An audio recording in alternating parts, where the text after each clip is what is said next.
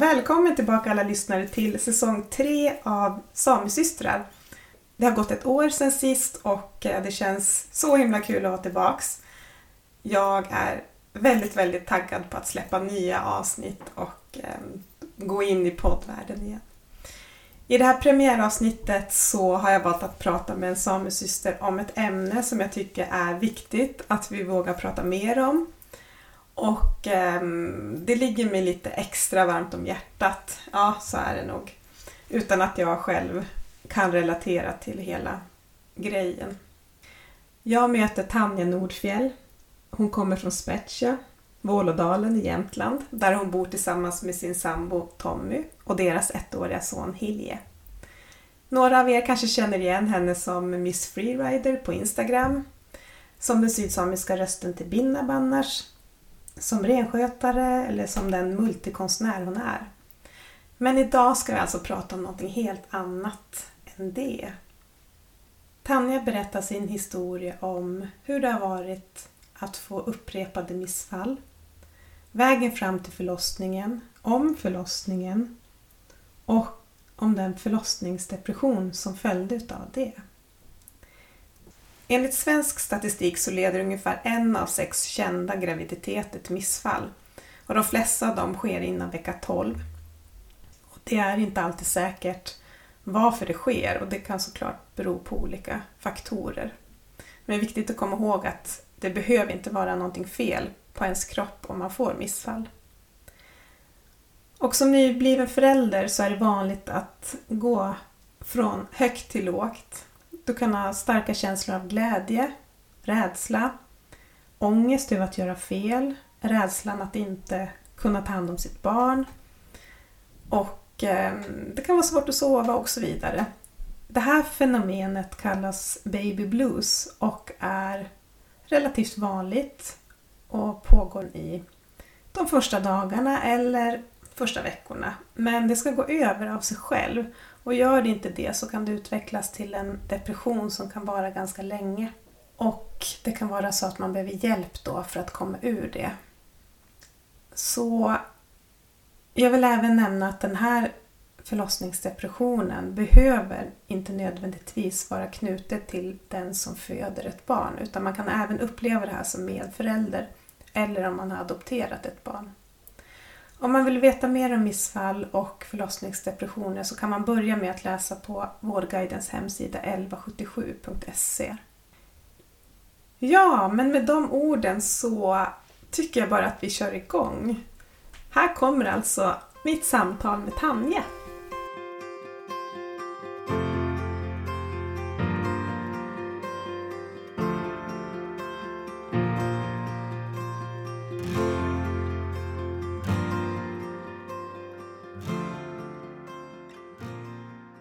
Bore båten med Tanja. Välkommen till min podd Samesystrar. Gänggeitto. Det är jättefint att äntligen få prata med dig. Jag har preppat och peppat i månader. Det känns jättekul. Jag är jätteförväntansfull. Nu har jag lyssnat på din podd och de flesta avsnitt tror jag. Så att eh, det här känns jätteroligt. Ja! Och vi ska prata om eh, megatabun vill jag säga att det är. Um, inte bara i, i västvärlden men i Sápmi. Och eh, därför är jag så himla glad att du vill berätta din historia. Eh, och det var ju så att vi möttes på Rasta Rasta i oktober. Alltså vi, vi känner ju varandra sedan tidigare. Men eh, just när jag var där och pratade om min podd och så kom du till mig och så drog du din historia. Eh, väldigt så här, ärligt och öppet och bara på kort tid. Jag tänkte bara men oj, det här måste vi prata mer om. Vad är det vi ska prata om? Var ska vi börja? Ja, var ska vi börja? Alltså, det, ja, det är ju det här med barn. Ja. Um, och i vårat fall då, där inte, där inte resan dit blev riktigt som, som man kanske hade kunnat förvänta sig. Eller sådär när man skaffar barn och funderar på vilken årstid är det bäst? Just det. Okej. Okay. Ja, ska det vara liksom mitt i, i skiljning eller karmärkta. Men juni eller augusti det är en bra månad. För då, ja, men alltså du vet. Ja, det är en sak ganska snabbt att så där kan man inte hålla på och fundera. Um, vi hade ju blivit gravid väldigt, har blivit gravid tidigare. Um, så man har ju tagit det för givet liksom. Mm, att men det då, skulle gå bra eller? Ja men att det skulle, att det är liksom bara att ja. beställa. Mm. Nu, nu ska vi ha ett barn här i augusti. Okej. Nej men alltså du vet. Ja, jag fattar. um, skäms lite när jag säger så faktiskt. För att nu har man ju en helt, ett helt annat perspektiv. Och um, har hört andras berättelser. För i och med att man öppnar upp sig så gör andra också det. Och därför är det ju bra att prata om. Samtidigt som jag känner att det är lite jobbigt. Man är såklart rädd att bli dömd. Mm. Eh, man känner sig nej men lite sådär du vet eh, bortskämd nästan. Alltså du vet, ja, att mm. man tar för givet och, och, att, att saker och ting ska vara så enkelt och så är det inte det. Och det tycker man ju att man borde förstå eller borde veta och, och det gör man ju faktiskt inte förrän man sitter där själv. Eh, så vi fick, när vi hade bestämt att vi skulle skaffa barn så fick vi faktiskt tre missfall mm. på rak. Mm, så det tog oss ungefär ett och ett halvt år att bli gravid med Hilje då, som, som föddes i april för ett år sedan. Oj, det är ett år sedan redan. Ja, mm. det har swishat till. Oh, shit. Så jag, jag vart ju väldigt bekymrad i liksom varför jag fick missfall. Och det var det var liksom så här vecka 13, vecka 9 och vecka 10. Mm. Eh, så det är ändå hyfsat tidigt men ändå så pass mm. gånget så att man liksom har hunnit börja bygga upp de här förväntningarna och tron på att liksom men det här det här går bra och man hinner planera och berätta för familj och då känns det liksom ännu värre när man talar om att nej, det blev inget och sen nej, det blev inget den här gången heller. Och inte den här gången heller. Så den var ju, den var ju jobbig. Um, och det var ingenting som var fel. Alltså jag, man började direkt kritisera sig själv. Mm. Sådär. Som att det måste vara någonting som är tråkigt för alltså, jag har blivit gravid förut. Liksom. Jag kan inte, det är inte svårt att bli gravid men varför blir det missfall hela tiden? Ja. Och då började jag läsa på. Alltså det finns ju så mycket teorier kring missfall och inte så mycket seriösa studier så som man kan luta sig emot. Men så därför kanske man inte ska prata om studier så. Men, men stress det var i alla fall en faktor. Och jag var i en väldigt stressig period av mitt liv och dålig på att ta hand om mig själv. Eh, det kan vara en, en bidragande orsak. Sen har jag haft huvudvärk i typ hela mitt liv. Så jag typ lever på Ipren. Mm -hmm. Och då har jag eh, efter missfallen, och det här kan vara en slump, så det, det här, jag är ingen doktor Tanja. Nej. Jag, jag läste om just Ipren eh, och kopplat till missfall då. Eh, så jag slutade med det. Och sen blev jag gravid. Och det kan vara en slump eh, att eh, allt annat föll på plats, att jag hade stressat ner och, så vidare och så vidare. Men eller så är det bara psykiskt. Att jag fick någonting och sådär, du vet. Det här är problemet. Det lyfter vi bort. Och så mm. gravid. Men, men så var det i alla fall. Men som sagt. Det var, det var ju som ingenting man pratade om så med någon. Du, eh, du sa att den, ni berättade ändå, det här går så långt i graviditeten så ni berättade till familj och vänner och så. Ja, de närmsta i alla de fall. Närmsta. För det där är ju någonting, alltså alla, det är ju allmänt känt att efter vecka 12 så är det större eh, chans att allt går bra. Och att många mm. väljer att inte berätta något innan det. Eh, mm. Kopplat till olika saker. Jag tänker det finns så mycket bakom för det, att man inte vill Ja, jag vet inte varför men men att många inte säger någonting och så bär man den här sorgen över ett missfall själva. Eller om man mm. är själv så. Jo, det är nog ganska vanligt tror jag. Och det, var, det är ju ingen tröst för när jag fick missfall för då ville jag liksom så här. Men vad, vad gör vi? Vad ska vi göra nu? Och, och men det finns ingenting att göra. Liksom. Det, naturen får ha sin Mm. gång och så får man bara vänta. Och den här väntan. Liksom från att ja, men det kan vara ett missfall men det kan lika gärna inte vara ett missfall. Och så, eh, så den väntan var ju ganska jobbig. När man fortfarande tar tester och man är positiv ganska länge. Att liksom, Mm. men sista missfallet, då, då visste jag att det var ett missfall. För då var jag gravid och inte gravid över en natt. Det var liksom... På ett dygn så kände jag att, att jag inte var gravid längre. Hur känns det? Det var ju lite sorgligt för att man någonstans så vill ju, man vill ju vara i, även om jag mådde ju sjukt dåligt när jag var gravid. Men det är ju ändå den, vi hade ju valt att det, det var där vi skulle vara. Vi skulle gå igenom det. Då, när man är det och det slits ifrån en sådär så blir det ju, man blir ju jätteledsen. Mm. Sådär bottenlöst ledsen. Och så ska omvärlden trösta en med, eller ens närmsta med att ja men det är så, tänk inte på det. Eller ja men nu är det som det är. Men samtidigt så har man ju hunnit fantisera om det här, den här processen och det här barnet och man har ett datum när ungefär de ska komma. Och, liksom. Augusti eller? Nu minns jag inte vilken årstid det var. Men du vet, Nej, man har ju ändå liksom du vet räknat. det är klart. Mm. Så, den biten var jobbig, det var den. Och ni gick igenom den tre gånger. Mm. Ja. Det var... Första missfallet var egentligen värst då i vecka 13 för då var vi mitt uppe i, i samling inför kalvmärkning och då hade inte jag berättat för ja, men du vet, kollegorna i min sameby att vet ni jag är gravid utan den hade man ju sparat på. Så man skulle ju ändå försöka kamouflera sig och göra det här renskötseljobbet utan att avslöja att man var gravid och de tycker Mm. att man var en smitare som inte var med och samla och jaha varför Ja men du vet sådär. Mhm. Jag, var ju, så- jag var ju så sjukt trött liksom. Jag ville bara sova. Eh, så att det var jobbigast då. När jag fick missfall mitt uppe i, i kalvmärkningen. Och valde då att fara hem eh, i några dagar tills det var klart liksom. Mm.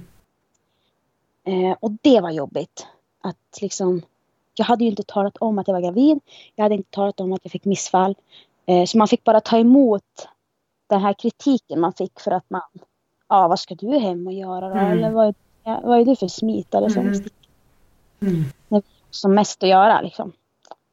Och man fick ju bara ta det liksom att ja nej det, det blev någonting så jag måste bara fara. Men Jag kommer tillbaka snart. Så att, eh, den var jobbig. Den var fruktansvärt jobbig.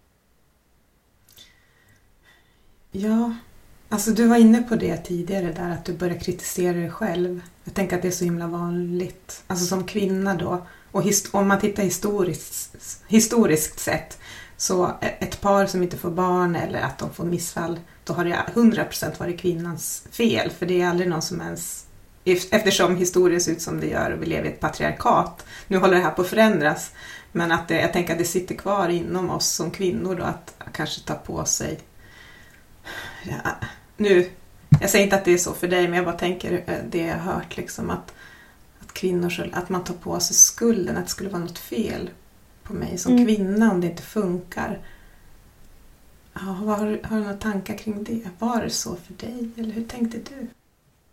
Jo men visst passerar de tankarna. Och särskilt eftersom då att vi hade blivit gravid tidigare. Och, så det var, och de hittade ju inget, alltså det, det var inget fel på mig så. Um, men samtidigt så blir man ju, man blir så fixerad vid den här grejen. Det kan ju också ställa till det. Därför att man ska inte tänka på det. Men man kan inte tänka på något annat. Inte ens en sekund av ens dag. Utan varenda sekund, varenda minut, varenda timme varenda dag, veckor, månader, så tänker man bara på det här. Mm.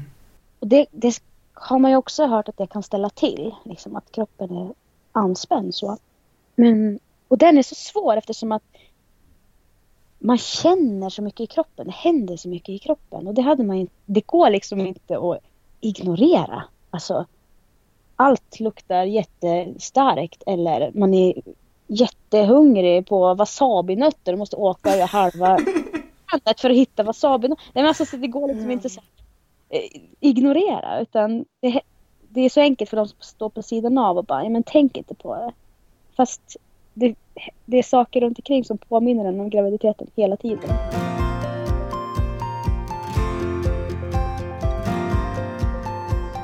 Klandra mig själv är kanske fel uttryck men man börjar ju i den änden.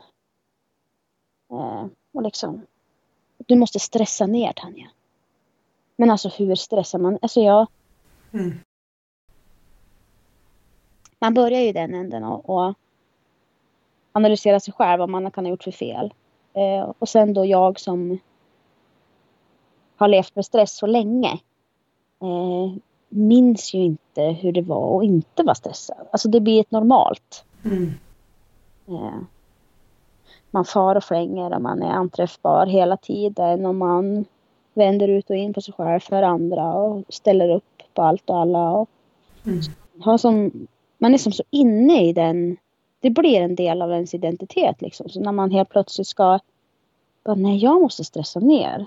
Eh, det var ju lättare sagt än gjort. Då, tur i oturen, så slet jag av mitt bakre korsband i knät. Så det, det gjorde nästan sig själv. Och nu så här i efterhand kan jag tänka att det var kanske livets sätt att få stopp på mig. Så jag slet av mitt bakre korsband och sen gick jag i ortos i sju månader. Så det var, Mhm. ja, ja, jag hade liksom plenty of times till att verkligen stanna upp. Även om det också var jobbigt. Men, men eh, kanske det som behövdes precis då för att det skulle ske. För jag, fick inte till det annars. Ja, men eh, idag finns Hilje. Han är född för ett år sedan. Så det gick bra fjärde gången. Mm.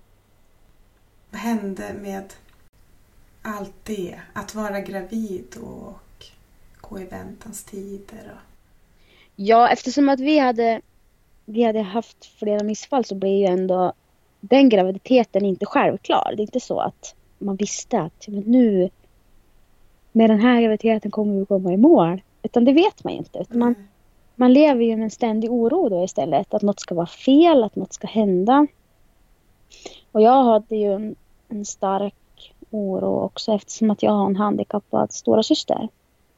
Mm, Eh, och hon är född med en förlossningsskada. just.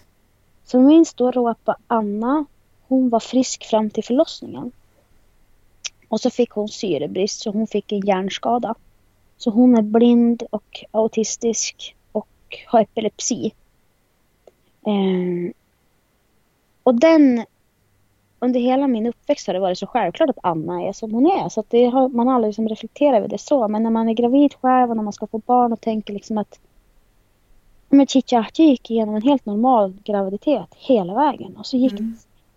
det slutskede. Och så blev det liksom en livslång konsekvens då för, för alla i kring. Liksom att hon blev, hon blev skadad av det. Så den, den oron var väldigt stark. Eh, och då bodde jag i, i Vilhelmina och då är ju förlossningen i Lycksele. Det är ju om det är 12 eller 14 mil dit.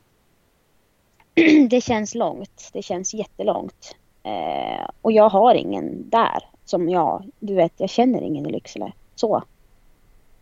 Flyktigt bekanta.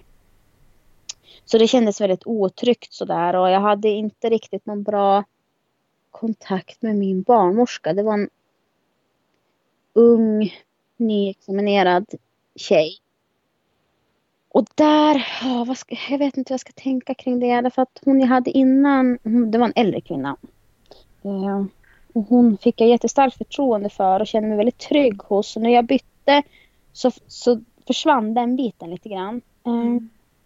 och jag liksom försöker sådär att, ja men stackars hon då som är ny, nybörjare på det här och liksom ska, så man får ha lite överseende vart det då. Mm. Eh, och det vart, det har jag ju sett efteråt att det vart ju på bekostnad av hur förberedd jag var inför det som skulle komma. Men, men så kan det ju vara. Jag, nu har jag pratat med mycket vänner och bekanta efter det här och jag delar ju mycket erfarenhet och mycket känslor som man inte hade kunnat fått höra om man inte hade lyft det här själv. Så det, det är ju ett, något positivt att vara öppen med det man går igenom. Mm. Även om man, blottar sig själv och det kan man kan känna sig sårbar eller att man ja, sådär. Så har jag ändå upplevt att, att det är bättre om man delar på det. Så. Men då i vecka i vecka 13 med Hilje, nej 16, 16 alltså, 16. Då eh, hade vi höst eh, eller kalvslakt i, i Ljungris. Och jag skulle ju då, då vara väldigt försiktig. Och för ni som lyssnar på det här och känner mig vet att jag är typ en olyckskorp. Jag lyckas göra illa mig hela tiden. Och jag vet inte hur det går till. För jag tycker själv att jag är jätteförsiktig. Men jag gör illa mig jämt. Eh, och även den här dagen. Jag hade varit, stått utanför och för att jag inte skulle utsätta mig för något onödigt och sådär. Hade ju mitt knä då att skylla på. Mm. Men var inne i, i silen en kort stund. Ja, och nu minns jag inte ens anledningen till det. Men hur det nu var så var det några renar som skulle väja för mig. Och så väjade de åt ett varsitt håll. Så de korsade liksom huvudena. Så de hade kroppen på en sida och huvudet på andra. Och sen smackade de rakt in i min mage. Naturligtvis. Mm. Då fick jag jätteont. Så vi valde att åka in på förlossningen och ska få kolla. Eh, och det gick ju bra. Jag hade moderkakan i bakvägg. Vilket var något positivt då för då låg den skyddad. Så att eh, det gick bra. Men efter det då fick jag en riktig sån här tankeställning att nej men det finns ingenting som är värt att sabba det här. Alltså nu har vi haft tre missfall och jag skulle bara göra. Mm. Och så blir det en sån där grej och så bara nej. Och då hade, då, då hade vi inte talat om för folk att vi var gravida mer än ja men chichache typ. Och de blev ju upprörda på mig naturligtvis. Så efter det bara nej, nej nu ska jag, nu ska jag låsa in mig hemma och sitta här de här nio månaderna tills den här ungen kommer. Så att han, han ska liksom inte, det ska inte hända något mer. Och sagt och gjort. Det vart typ så. Jag bara, ja men jag typ åt och promenera och ja, gjorde allt för att bara ta hand om mig själv för att det skulle liksom gå vägen. I vecka 29 då var vi på skiljning i grannbyn och ser. Hos oss? Eh, och jag hade så jäkla ont i magen. Alltså, vi var på väg dit och den här skumpiga vägen till Aloppa så var jag tvungen att sitta och hålla i magen för det kändes liksom som att skulle rämna fram. Liksom, som att det bara skulle komma ut allting. Det var så obehagligt. Mm. Eh, så jag försökte ringa till diverse barnmorskor och fråga liksom att vad är, är det här? Är det jag som är känslig av liksom, du vet, att musklerna delar sig fram? Ska det kännas så här när man är gravid? För det gjorde så jäkla ont. Jag var tvungen att hålla i magen hela tiden. Men då åkte vi in i alla fall till slut nästa dag. För då hade jag så ont så att jag, jag grinade ju bara. Och då var jag väl också ganska trött. Men då, kom vi, då åkte jag in. Och så hade de undersökt mig och ja, allt verkade bra liksom med bebisen och sådär. Så Tommy han lämnade mig där så for han hem. Och sen hade de kommit på att de skulle göra ett ultraljud på, från, på en annan avdelning. Och då visade det sig att jag hade brock i magen. Eh, så då var ju vi inlagd direkt för operation. Så i vecka 29 då opererades jag och Hilje för brock då. Så de la ett stent strax ovanför naveln. Eh, Ja. och ja, de vet inte hur det vart så där. Det kan bara bli och det kan ja, vara yttre faktorer som påverkar. Men så var det i alla fall. Så efter det från vecka 29 då, och resten av vägen det var ganska jo- jobbig. Alltså jag hade ju haft en jobbig graviditet ändå med jag mådde illa i konstant, dygnet runt. Inte bara morgon illamående som man läser om utan dygnet runt illamående, dag som natt. Min sambo fick inte komma nära mig för han luktade sköljmedel eller matos eller, ja men du vet, nej det gick inte. Det var hemskt. Jag var säkert fruktansvärd att vara med.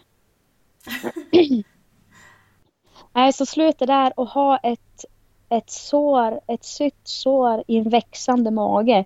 Oj. Den var inte rolig. Så när bebisen rörde sig där inne så ja, det gjorde ju fruktansvärt ont. Så när vi närmade oss slutet, alltså jag hör ju vilken, vilken, det, ja, det låter ju som den värsta historien. Ja, men kanske är det också. Ja. Ja. Vi närmade oss slutet, för då var det 24 mars minns jag. Först var han beräknad till sista mars, sen var han beräknad till första april och sen var han beräknad till, 7 april. Så jag visste att någonstans däremellan och 24 då började jag få förverkar. Har jag fått veta nu i efterhand att det var. Men det vet man inte då. Man har ingen aning. Jag följde min barnmorskas råd och googlade mig genom graviditeten. Och det har jag fått höra efteråt att det ska man inte göra. Man ska aldrig googla något. Nej, inte, inte Google. Men jag har, jag har googlat så jag har... eh, Jag gör inte det. Nej, okej. Eh, så då började jag fick förverkar och det var typ så här allt emellan 9 och 12 minuter mellan verkarna. Så att vi efter ett par dagar med sådär, då åkte vi in första vändan och det var, hade inte hänt någonting så det var liksom inte ens dags. Så då fick jag Brecanyl för att stoppa upp värkarbete liksom. Och så fick vi åka tillbaks. Sen gick det ett par dagar igen så det började ju bara om så det gick som inte. Så jag hade förverkar i tio dygn. Mhm. Eh, och de tio dygnen var jag kunde ju inte sova. Det gjorde ju jätteont. Alltså att verkar kunde göra så ont. Så att vi var inne i tre omgångar och tredje gången då kunde inte ens jag gå in själv och då var jag så himla ledsen och så himla trött och då trodde inte de att jag skulle orka en förlossning. Ehm, så då fick de sätta igång mig direkt. Och den här eh, perioden, eller här dagarna under förlossningen. Ehm, de har ju, mycket har jag fått återberättat efteråt för att jag hade skapat mig en egen bild och en egen tidslinje över hur saker och ting hade skett som inte överensstämde med verkligheten. Därför att när, vi började ju där då eh, och jag fick eh, de satte igång mig och så fick jag ligga i ett bad och bara gå igenom de här verkarna. Och sen fick jag då lustgas och så fick jag en ryggmärgsbedövning. Och till historien hör också att jag hade ju förlossningsrädsla innan det här och mycket tankar på Anna och sådär. Men så hade jag en kompis som hade berättat, berättat om sin förlossning och hon bara ta ryggmärgsbedövning för det är grejen. Hon bara alltså man, jag kände ingenting, alltså det gjorde ont och det var som ett tryck men det var eh, det var, det var hennes sambo som fick tala om när hon hade krystvärkat så hon skulle krysta. Hon bara det var det häftigaste jag har gjort. Liksom, du har det bästa framför dig. Så jag var ju ändå som lite peppad på det här så jag bara men jag ska ha ryggmärgsbedövning för det har min kompis sagt att det, det är grejen. Mm. Och det gjorde, alltså, det gjorde ju så fruktansvärt ont. Konstant. Alltså inte bara verkar utan gjorde ont, ont, ont, ont. Ila liksom i ryggen, bäcken och ner i benen. Och jag bara, så det, jag måste vara världens klenaste människa liksom, som inte som tycker att det gör ont med en ryggmärgsbedövning. Ja, jag, det uppdagade sig ju senare att den hade ju inte tagit. Åh, Men det visste ju inte jag för jag har Nej. aldrig tagit någon ryggmärgsbedövning. Jag tänkte att man får det man får och sen får man bita ihop mm. Och jag trodde att vi hade hållit på i fyra timmar. Men vi hade hållit på i 22 timmar. Och då till slut. För jag var helt öppen. Och, men jag fick aldrig, aldrig krystvärkar. Han, Hilja hade fastnat liksom i mitt bäcken. Och så efter 22 timmar när vi hade jobbat på. Då hade han utvecklat mjölksyra. Och så gick hans puls ner. Oj. Så det var ju då läkaren hade beslutat att de hade ju konsulterat under resans gång liksom hur, ska vi, hur vi skulle göra. Men då hade de tagit beslut att det skulle bli akutsnitt. Så då när vi rullades ner på operation så satt ju den läkaren en ny, en ny eh, ryggmärgsbedövning. Och det var ju då det uppdagades att, för han trodde att den inte satt riktigt eftersom att jag hade så ont. Och den tog inte heller Nämen de nöp mig och jag sprattlade med fötterna och jag hade jätteont och eh, det tog inte. Jag väntade bra länge. Så då fick de söva mig.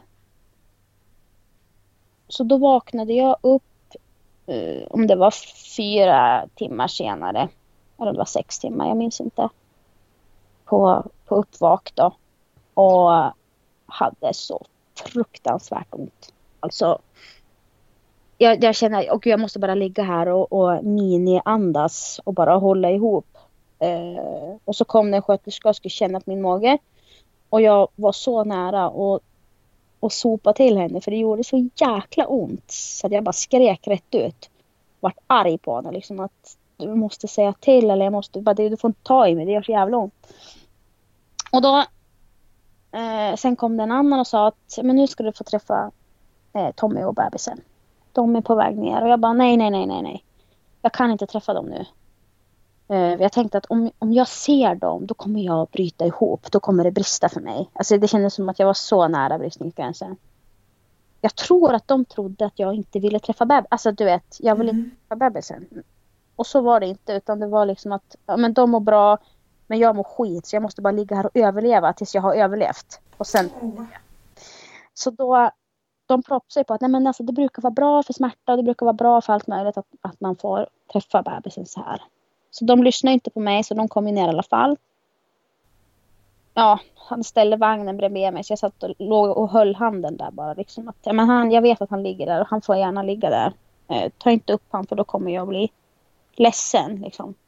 För att jag är så känslosam som person. Jag, jag, jag gråter typ varenda gång de här reklamerna på Trygg Hansa är på tv, då grinar jag.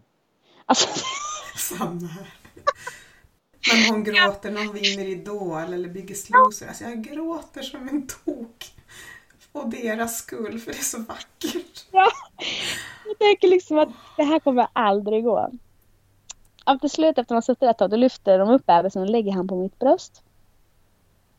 Och jag var så himla konstigt för jag liksom känner ingenting. Jag var sådär klämkäck. Alltså.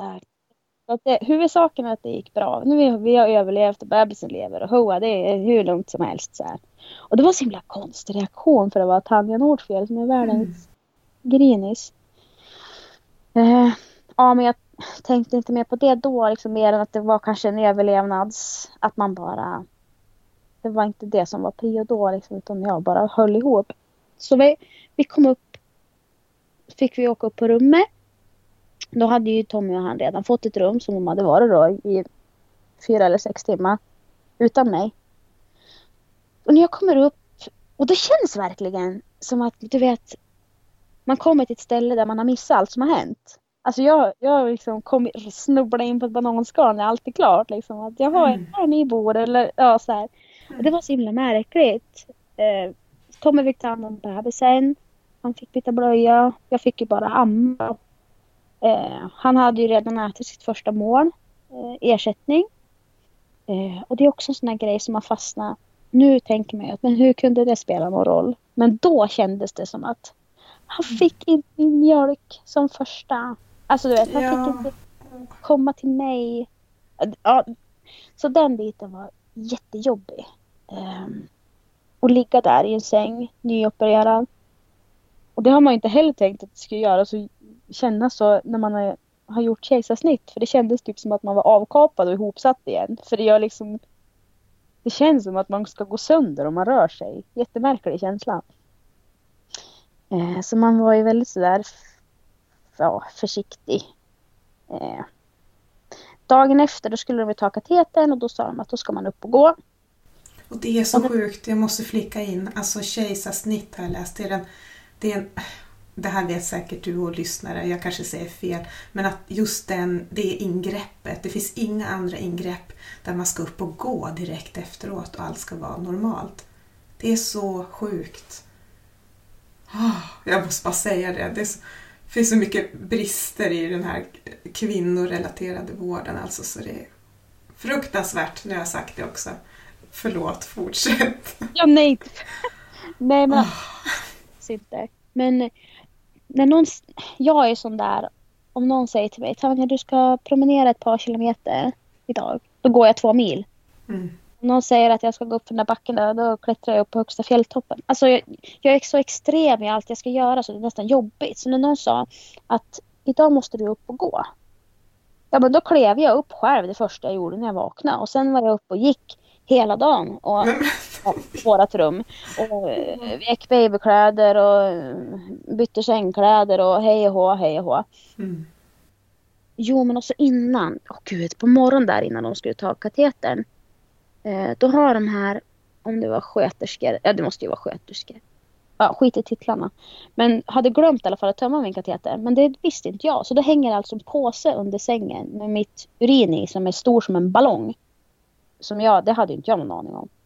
Men den här som ska komma in, en äldre kvinna som ska komma in och ta bort den där. Hon bara, typ, de kommer in och bara oj! Typ så här. Men gud! Och så började jag typ skratta åt det där. Och sen gick hon ut i korridoren för att ta med in en massa andra som skulle visa det där. Men, Ja, det var så sjukt förnedrande. Där ligger jag men, helt i mitt svagaste tillstånd någonsin i hela livet. Med en gigantisk kissballong under sängen som alla ska komma in och kolla på. Och jag ville bara dra täcket över huvudet och börja gråta. Alltså det var så jävla hemskt. Och jag måste bara få berätta det här för jag tyckte det var så fruktansvärt hemskt. Och sen vill inte jag se den där kvinnan överhuvudtaget. Så då när de kom in och hade tagit den där och sa att idag måste du upp och gå. Då bara, ja då ni ska få se att jag kan gå. Så att då hade jag varit uppe hela dagen. Så när kvällen kom hade jag fruktansvärt ont igen. Alltså jätteont. Ingen smärtlindring som funkar. Liksom, jag bara, ge mig mer, ge mig mer. Och sen bara var någon som frågade, men har inte du fått idag? Och jag bara, nej jag har inte fått någonting. Då har de glömt att jag skulle ha jag ska ha med jämna mellanrum för att man ska hålla sig in på ja, att det inte ska dippa. Att man ska hinna få ont utan att det ska ligga som en, en bra bas.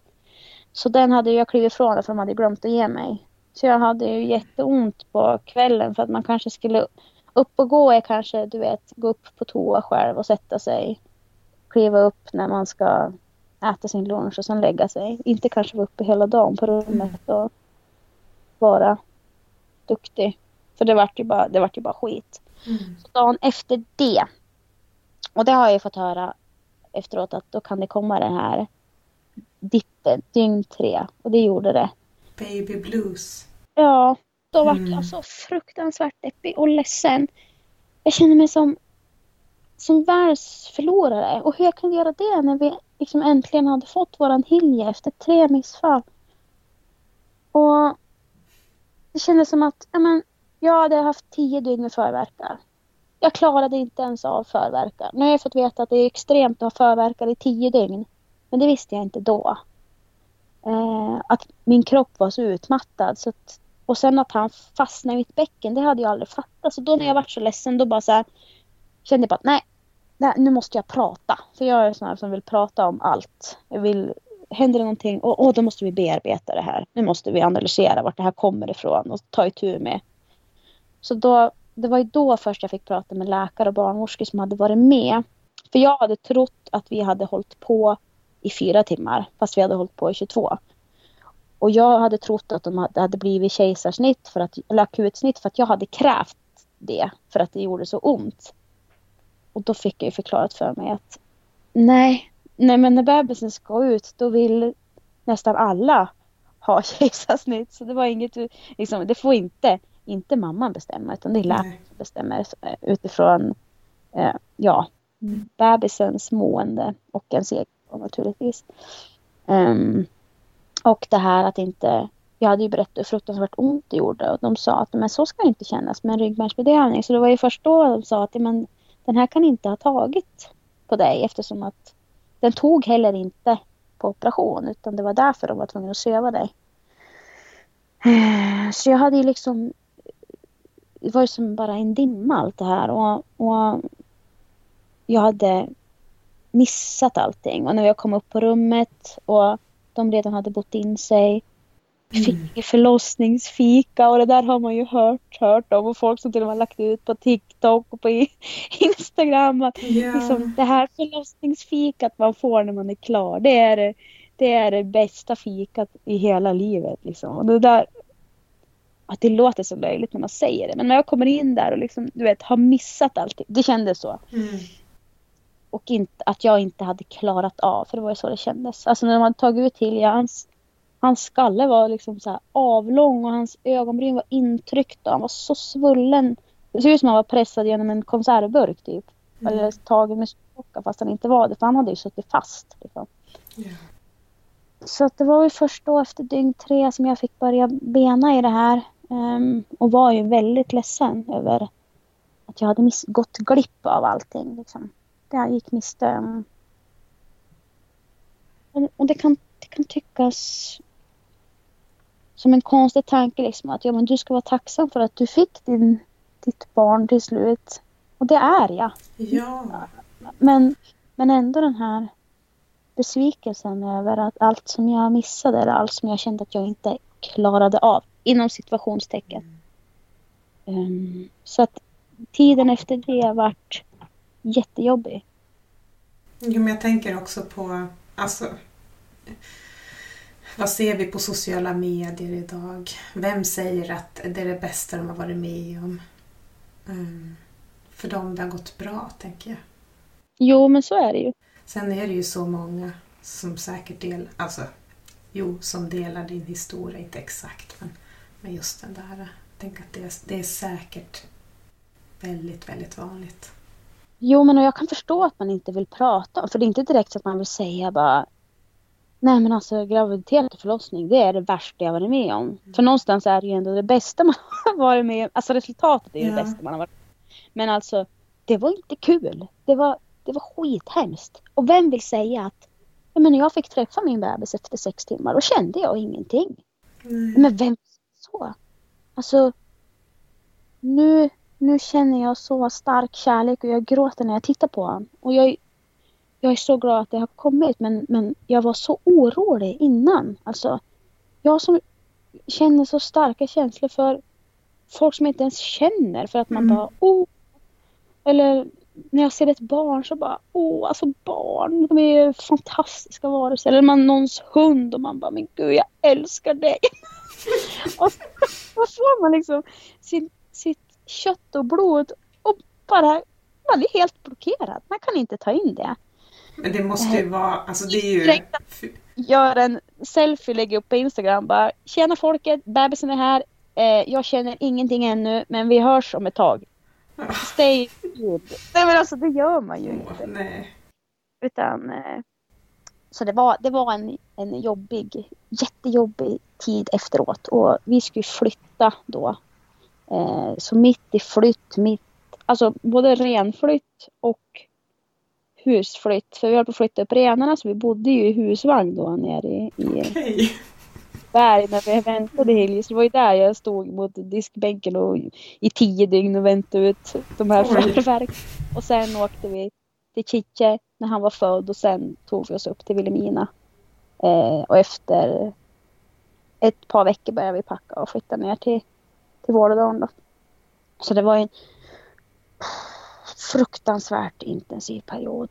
Och första två månaderna kändes det som att han bara levde i sin eh, bilbarnstol, babyskydd i bilen. Och de tryckte ju vikten av att, men, att man ska ha barnet hud mot hud. Och jag kände mig som världens sämsta förälder. Men alltså vi, vi hinner ju inte ens det varenda dag. Att han får mm. ligga hud mot Det kändes som att jag var nog lite, jag var nog lite avundsjuk. Det kan, det kan jag nog använda det begreppet. Därför att Tommy fick starten med Hilje. Han fick hans första tid. Och jag kände hela tiden att jag behövde överkompensera därför att få tillbaks det. Att, att komma ikapp. Därför att mm. han, kunde, han kunde ligga på Tommys bröst och bara komma till ro och sova. Men när han kom till mig då skrek han bara. Han bara skrek helt hysteriskt. Han skulle inte vara hos mig. Det enda han kunde göra hos mig var att äta. Och när han hade ätit då skulle han bort. Så han kunde inte ligga och sova på mitt bröst. Jag kunde inte sitta i soffan och ha han på min mage och låta han sova där. Det gick inte. Så att det här hud mot hud med mig, det, det, det var bara under amning. Sen funkar inte det. Så, och det var också en jobbig grej liksom att... Hur länge pågick det? Ja, det var ganska länge. Jag tror att han var fyra månader. Tre, fyra månader när jag kände att det började vända. Men, men ändå hade jag den där känslan att vi var tvungna att överkompensera för att komma ikapp. Mm. Man, har, man har en bild av att den här anknytningen med mamman ska vara så mycket starkare ifrån start. Men han vill inte. Jag var mat för han, ingenting mm. annat. Hur var det med den här alltså, förlossningsdepressionen? Hur länge pågick den för dig? ganska länge. Alltså jag tror att jag kände nog att det började vända först när han var sju månader. Oj. Mm. Mm. Så att, och det var nog mycket sorg i det jag missade från start. Känna sig misslyckad som kvinna. Känna sig otillräcklig för Hilje. Känna mig... Jag menar att man känner sig som en bortskämd snorunge som inte bara kan känna tacksamhet och ja, att det ändå gick bra, för det gick ju bra. Utan att man fastnar i det här sorgen på det man, det man missade och att inte förlossningen blev som jag hade föreställt mig eller att smärtan var så outhärdlig så att det, det fanns liksom, jag, den här vanliga smärtskalan som man har 1 till 10, den kunde man kasta åt mm. den, den, den liksom fanns inte ens med på den här skalan. Det var någonting helt annat. Eh, sen har jag fått veta, och det visste jag inte då, men jag pratade med min teacher och på henne funkar inte. Hon är också svårbedövad och även hennes far var det. Och det har jag fått veta efteråt att sånt kan vara genetiskt. Mm. Mm. Men det visste jag inte då utan då kände jag mig bara som världens känsligaste klenis som inte som inte, som inte tyckte att det gjorde mindre ont med smärtlindring. Liksom. Men alltså det där är ju så... Och jag har ju teorier kring det där. Jag tänker på det här att vara uppvuxen som vi är samiska tjejer, kvinnor. Alltså jag vet inte, men, jag, men att många samiska kvinnor eh, ska, alltså har ju varit tvungna att vara så starka och inte klaga och inte liksom och, och, vi har så mycket press och krav på oss att vara det känns som att vi måste vara så mycket starkare än alla andra kvinnor som icke-samer. Så känner jag i alla fall. Ja, jag vet inte, det kanske låter flummigt, men just det där att, som du säger då att herregud, nu vet ju inte jag hur det är att, att föda barn, men om tio dagars förverkar, om det är jättemycket, men för dig så bara, man ska bara hålla, bita ihop och hålla ut liksom. Det är väl så det är. Mm. Att det är inom oss på något sätt att vi ska, jag vet i alla fall att jag har den känslan, haft tidigare, att, att jag måste prestera och vara så mycket bättre. Mm. Jo men det bär jag också med mig. I egentligen allt jag gör. Ja. Eh, så måste det vara. Det kan ju vara en slump bara nu. Nu råkar vi vara samer, du och jag, så pratar vi om det. Det behöver inte vara kopplat till det samiska men Nej, men vi pratar utifrån våra, våra perspektiv så att något annat kan man inte använda. Eh, och nu råkar vi dela dem och sagt, det kan vara en slump men det kan också vara en, en, eh, en kulturell grej. Mm. Så kan det vara. Vi får väl se om det blir något, om det är fler systrar där ute som lyssnar på det här som känner att men gud jag känner ju också så här. Eller det där kan jag relatera till.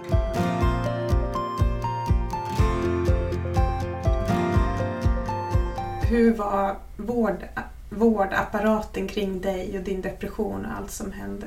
Det du har berättat, det har ju varit så mycket brister. Eh, det hörs som så att det har hänt så mycket saker, men hur var det när du det här med depressionen, fick du veta att du hade det eller fick du googla det själv? Eller alltså hur kommer man på det? Nej, jag har ju googlat. Alltså, jag, jag hamnade ju lite mellan stolar för jag eh, eftersom att jag var skriven i Västerbotten så var ju Lycksele min det var ju där jag skulle vara. Men jag ville absolut inte föda där. utan jag ville föda i Östersund. Där jag tänkte att de har det är ett större sjukhus. Eh, kanske större kompetens kring allt möjligt. Eh, jag har min familj närmare om det skulle behövas. Och, och just min oro då kring, kring det här med förlossningsskador. Så tänkte jag att om jag, om jag är där så så känner inte jag mig lika utelämnad utan då har jag så att eh, i och med att då blev det journaler som ska skickas för ett, för ett annat landsting och så där så blev det lite emellan. Så jag har ju drivit min fråga själv eh, och sökt mig hjälp.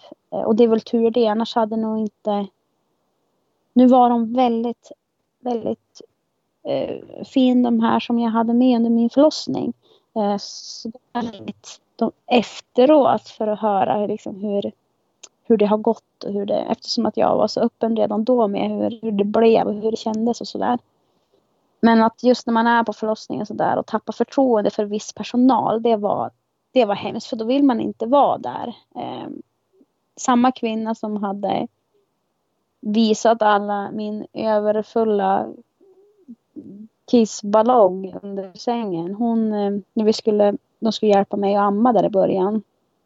Amning är också jättesvårt. Det hade jag aldrig kunnat föreställa Jag tänkte att man lägger väl ungen där och sen gör den det den ska göra. Och så är det bra med det. Så var det ju inte. Det kändes väldigt främmande att amma. Lite genant. Ont. Eh, och så ska liksom stå tre tjejer och dra ens bröst och dra ens händer och nej, nej, släpp där, håll här, gör så där. Och så, ja, nej, och fy. Och där sitter man liksom med en mage som står rakt ut som är tom och bröst som är sprängfylld för att nu är det dags att amma. Nej men alltså, gud, man kände sig som en flodhäst. Som... Nej men alltså det var så hemskt. Bara, ja, ja, gör vad ni vill. Jag, jag drar en påse över huvudet nu. um, och så skulle hon skoja till det den här, uh, tror jag. Jag kan inte tänka mig annat. Men uh, när de är så där små uh, och när de blir hungriga, för de har så, det är sugreflexen som är deras starka. Då suger de på händerna så att de tar händerna till munnen och så snuttar de på nävarna. Och det där gjorde, man skulle lägga dem till bröstet och tar de upp sina egna händer och lägger mot munnen och suger på händerna. Mm. Sa hon att Ja, alltså man kan ju tro att ungarna är dum i huvudet som håller på och suger på händerna och tror att det ska komma mjölk där. Och då blev jag så himla stött över det. Liksom, att hur kan man säga Menar du att mitt barn är dum i huvudet för att han instinktivt suger på sina mm. händer?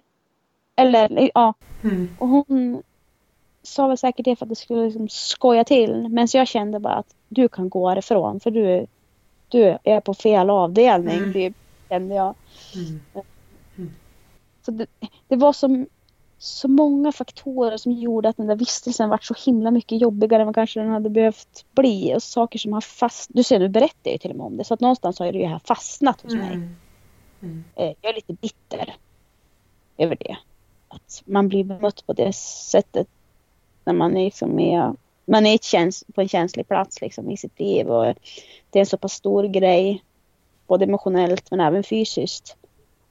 Mm. Mm. Så att... Um... Jag tycker det är så fint att du berättar allting. För jag vet att det finns lyssnare som relaterar. Uh, det vet jag för att efter det här avsnittet med Ingrid, där hon berättade om sina förlossningsskador, den reaktionen från kvinnor som jag fick, privata meddelanden, kvinnor som senare har kommit fram till mig och berättat eh, historier, som du gjorde också. Alltså det är, det är så viktigt, eh, modigt av dig att berätta. Eh, för att det är, det är nog så många som känner igen sig. Och, ja. ja, jag tror att vi behöver dela, eh, dela våra erfarenheter och vårt bagage. Vi är starka, eh, men vi behöver inte vara starka ensamma. Jag tycker att det är så fint att din podd heter Samesystrar. Mm. För det är väl så det ska kännas? Va? Ja. Systerskap. Mm. mm. Det är precis så det ska vara. Och, och, att vi kan använda oss av det. Att luta oss mot varann. Dela erfarenheter. Inte döma varann. Man är så hissrädd för att bli dömd. Blotta sig för att bli sårbar. Att bli dömd av andra. Och jag tror inte att vi behöver det. Alltså världen, både Sápmi och, och storsamhället, så är, är världen nog hård mm. kvinnor mm. än idag. Eh, naturligtvis bättre men på många håll så går det för långsamt. Och det sista, sista vi behöver är att vi, att vi systrar vänder varandra ryggen eller dömer varandra utan att vi kan eh, vi kan stärka varandra i våra erfarenheter. Mm. Så jag hoppas att med, med största ödmjukhet har jag berättat min historia. Jag vill inte... Det kan säkert väckas mycket känslor hos, hos er lyssnare.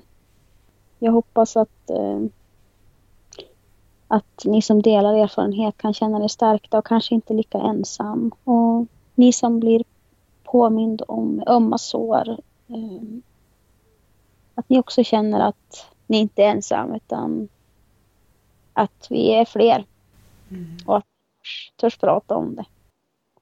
Jag blir alldeles rörd. Det är precis samma, jag gråter för alla, alla där ute som har gått igenom och liknande som du har berättat och de som inte törs berätta eller de, de som har lämnat oss som kanske har gått igenom det här också som vi aldrig fick veta. Så, ehm, ja, det berör mig så mycket det här ämnet. Eh, Jag känner verkligen att eh, ja, det behövs pratas om. Mm. Mm. Och jag tror det. Och den här, just den här biten, den här frågan, den, den äger ju vi, vi Mm. kvinnor. Det är ingen som kan tala om att det här är fel eller det här finns inte eller utan den är våran. Det är vi som går igenom det här och det kan vi prata om det tillsammans så tror jag det är en, en styrka. Även om det, och det är även svårt för mig. Jag har funderat både en och två, tre och fyra gånger inför det här programmet. Att hur ska detta tas emot? Hur ärlig ska jag vara? Hur mycket ska jag utelämna? Hur mycket ska jag försköna? Mm. Nu har jag inte lagt någon censur överhuvudtaget så vi, vi får väl se vart det landar. Men det, det här, det, ja, det har varit helt som det hände. Mm. Jag tänker bara att vi ska börja avsluta. Vi har pratat en timme nästan. Mm. Ehm, Jag tänker på, alltså nu lever vi på 2022. Ehm, Det finns möjligheter att berätta om sånt här i en podd eh, till exempel. Eh, Det finns mycket mer kunskap kring ting. Men om, har du någon tanke på, jag tänker på våra äldre samiska kvinnor som inte lever längre. Som, alltså vad kan vi säga om, om dem? Eller vad, vad har de gått igenom med sina förlossningar? Och, och, ah, har du tänkt, tänker du på dina förfäder? Mm. Det gör jag. Mm. Det gör jag hela tiden. Så mycket hårdare saker och ting har varit. ehm. och där, alltså jag menar, vi har det ju ändå bra så och vården som finns och jag kan inte ens föreställa mig hur utlämnad man ska känna. Man ska gå igenom det här helt, helt ensam. Och, I Goethe på Ja. fjället. och, kanske, ja, och kanske mycket yngre än vad, än vad jag är liksom. Ehm, så att visst, wow. Ja, det var säkert inte det mest fantastiska man har gjort. Eh, så att det är klart jag tänker på de kvinnorna och närmast tänker jag på min, på min Ahka. Såklart. Men ändå kan relatera till och som ändå var så, hade så positiv inställning till allting jämt.